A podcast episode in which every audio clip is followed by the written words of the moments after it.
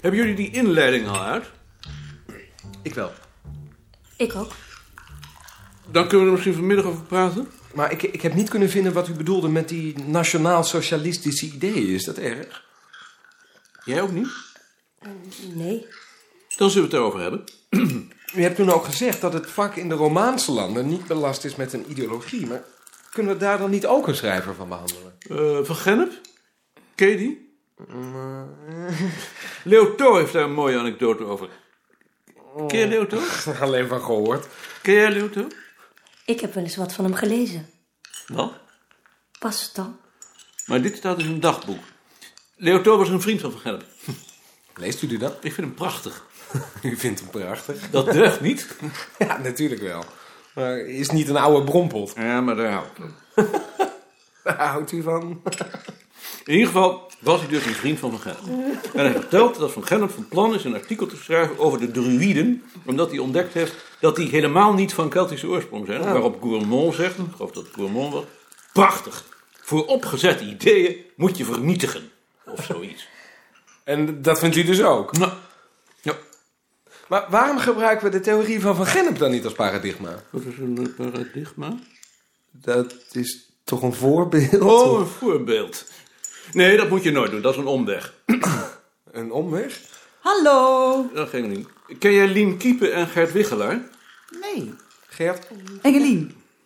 Dat komt, ik was er vorige week niet. Toen was ik met vakantie. Mag ik ook een kopje koffie van u, meneer Goud? Van Gennep heeft natuurlijk een reden om die Kelten te ontmaskeren. Ik denk dat hij daarin een product is van het Franse intellectuele centralisme. Het gaat erom dat je aan je eigen vooroordelen ruimte geeft. Heeft Maarten jullie ook op je gezicht uitgekozen? Dat weet ik niet. Nee toch, hoop ik. Terangbulan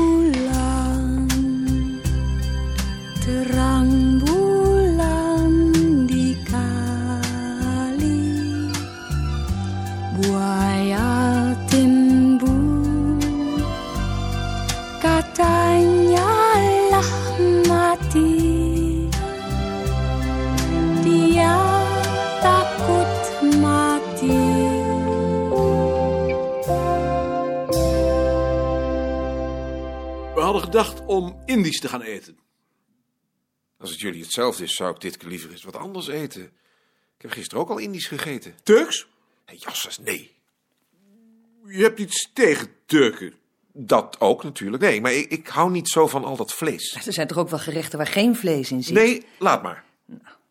Je bent bang dat we een buikdanseres bij ons tafeltje Ik krijgen. hou gewoon niet van Turks eten. Maar daar moet dan toch een eh, reden voor zijn. Ja, hè? Nou, dus geen Indisch, geen Turks, wat dan? We kunnen toch ook gewoon bij Scheltema gaan eten? Kan natuurlijk ook. Als Klaas wel van Hollands eten houdt tenminste. Is Spaans wat? Waarom zouden we eigenlijk niet gewoon Italiaans gaan eten? Dat deden we vroeger toch ook? Italiaans. Nu. Is hij altijd zo dictatoriaal? Zou je daar niet eens wat aan doen?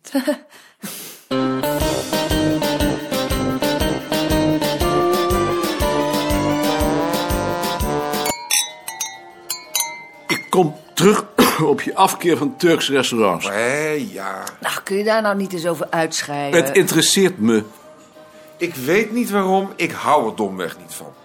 Een paar weken geleden heb ik wat interviews afgenomen in Limburg. Ik zat na afloop in de stationsrestauratie in Eindhoven. Ik was moe. Ik had hoofdpijn. En er zaten aan een tafeltje naast me zeven of acht Turken, dikke zwarte mannen met grote zwarte snoren, Turks te praten. Ik vond dat bedreigend. Dat heb jij niet. Nee, anders zou ik niet in de derde wereldwinkel staan. Dat heb jij ook niet, want anders zou je niet met me getrouwd zijn. Ik weet wel dat het niet deugt, maar daar gaat het nou niet om. Maar in de derde wereldwinkel komen geen Turken. Er komen alleen blanken die het goed met de Turken menen. Daar gaat het toch om? Nee, het gaat erom dat vreemdelingen in je eigen land, niet omdat ze zwart of bruin of wit zijn, maar zolang ze hun eigen taal blijven spreken en zich anders gedragen, bedreigend zijn. Voor mij tenminste. Nee, dat heb ik niet. Ik vind dat juist wel kleurrijk, geloof ik. Vreemd. Of benijdenswaardig, moet ik eigenlijk zeggen. Maar je denkt toch zeker niet dat die stakkers hier voor hun eigen plezier naartoe komen? Het is toch alleen maar omdat wij zulke rijke patsers zijn en alles alleen maar inpikken? Ik, ik weet wel dat de schuld bij ons ligt. Ik neem ze niets kwalijk. Ik voel me alleen bedreigd. Oh, nou, daar zou ik dan maar eens heel gauw wat aan laten doen. Ik vind dat Nicolien gelijk heeft. Ik vind niet dat wij het recht hebben om over die mensen te oordelen. Ik oordeel niet. Ik heb het alleen en uitsluitend over psychische reacties. Ik kan die wel ontkennen, maar er schiet niemand wat mee op. Dan begrijp ik niet wat voor bezwaren je hebt tegen de Nederlandse Volksunie. Ach, wat, als die gevoelens niet taboe waren, was er geen Nederlandse Ah, volksunie. niet taboe. Gelukkig dat de mensen zich tenminste er nog voor schamen. Anders stemde iedereen op de Nederlandse Volksunie. Ik ben dat wel met Nicolien eens. Hoe eh, zit het eigenlijk? Ne- Nemen we niet nog een ijsje?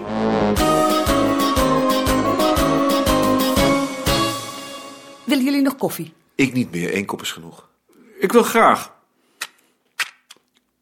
Het verschil tussen Nicolien en mij is... en ehm, nee, nu niet weer alsjeblieft. jawel. Ik wil duidelijk maken wat ik bedoel. Eh, wil jij een glas cognac erbij? Jawel. En jij, Klaus? Heb je ook een glaasje port?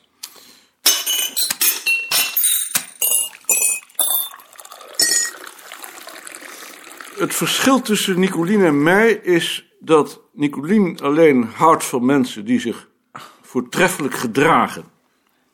Daarom leest ze de boeken van dissidenten. Wat ze bewondert is moed en onafhankelijkheid. Ik vind dat natuurlijk prachtig. Maar ik word pas ontroerd als iemand zich buigt over de punten waarop hij faalt. Nee, faalt? Faalt is eigenlijk niet het juiste woord. Je rekenschap geven van de punten waarop je afwijkt van wat van je geëist wordt. Dergelijke instinctieve reacties als toen in Eindhoven zijn een correctie op een ideologie. Ze brengen je begrip bij voor wat er om je heen gebeurt, al wordt het er daar niet vrolijker door. Iemand die dat onder ogen durft zien en dat ook opschrijft, ontroert me. Dat heb jij niet? Hè? Nee? Maar jij zult er ook wel eens ontroerd worden. Jawel. Wat ontroert jou dan? Het Wilhelmus? Ik denk een, eh, een, een zekere wijsheid. Het ontbreken ook van agressiviteit. En eh, inzicht in de betrekkelijkheid van het aardse bestaan. Noem als een boek waarin je dat aantreft. En ook wel liefde die niet vervuld wordt. Maar eh, een boek waar dat in voorkomt zou ik eigenlijk niet kunnen noemen.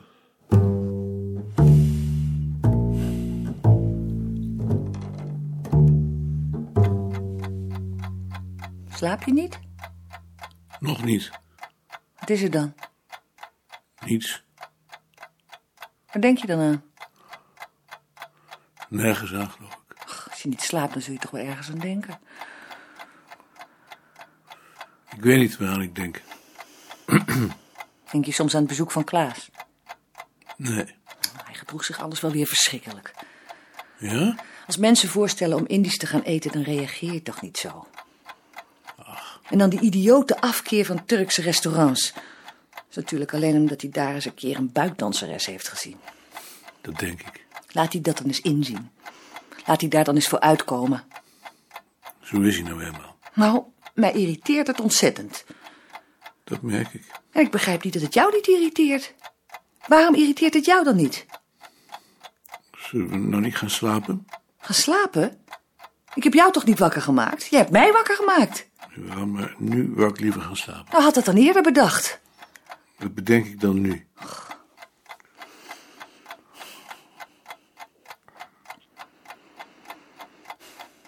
Slaap je al? Bijna. Nou, zie je wel dat je nog niet slaapt? Jawel. Bijna.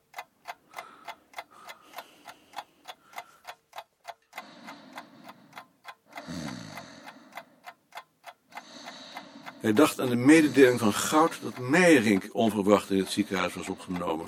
Hij maakte zich er zorgen over dat Balk juist nu naar een congres ging. Als Meijerink in die tussentijd overleed, zou hij als plaatsvervanger van Balk bij de begrafenis het bureau moeten vertegenwoordigen. Wat zou hij daar in godsnaam moeten zeggen? Hij zag de kist met Meijerink erin, bedolven onder bloemen. Bedolven onder bloemen? kon zich niet voorstellen dat Meijering veel mensen kende. Een grafstuk van zijn vrouw, een groot bloemstuk van het bureau, voor zijn vrienden en collega's. Daar moest hij ook voor zorgen. Moet er niet ook een advertentie worden gezet? In het Brabants Dagblad, omdat hij dat iedere ochtend had zitten lezen. Misschien nog een bloemstuk van familie, hooguit twee. Maar dat was het dan wel. De onverwachte dood van Geert heeft ons allemaal, die hem gekend hebben en die van hem hielden, diep geschokt. Die van hem hielden, was dat niet wat sterk? Was er überhaupt iemand die van Meijering hield? Hij kon zich dat niet voorstellen. Stel je voor dat er, als hij dat zei, een Homerisch gelach uit de zaal opklonk. Maar serieus, bovendien was het wel onverwacht. Misschien wisten zijn vrouw en zijn vrienden, wel vrienden, naast de familie dan, allang dat hij ongeneeslijk ziek was en had hij het alleen tot op het laatst voor het bureau verborgen gehouden. Sterker, misschien wisten ze het op het bureau ook, of in ieder geval Balk. Was het alleen niet tot hem doorgedrongen. Dat zou de eerste keer niet zijn. Hij was niet iemand aan wie je vertrouwelijke mededelingen deed, al waren ze waarschijnlijk nergens veiliger. Als je niet wilde dat ze doorverteld werden, tenminste. Het zou anders wel verdomd heroïs zijn als niemand ervan wist en Meijering zelf wel. Onvoorstelbaar heroïs. Zou zijn beeld van Meijering volledig veranderen, ook niet voor de eerste keer trouwens. Want om zijn mensenkennis gaf hij langzamerhand geen cent meer. De dood van Geert heeft ons geschokt. De idee dat hij er niet meer is, is nog onvoorstelbaar.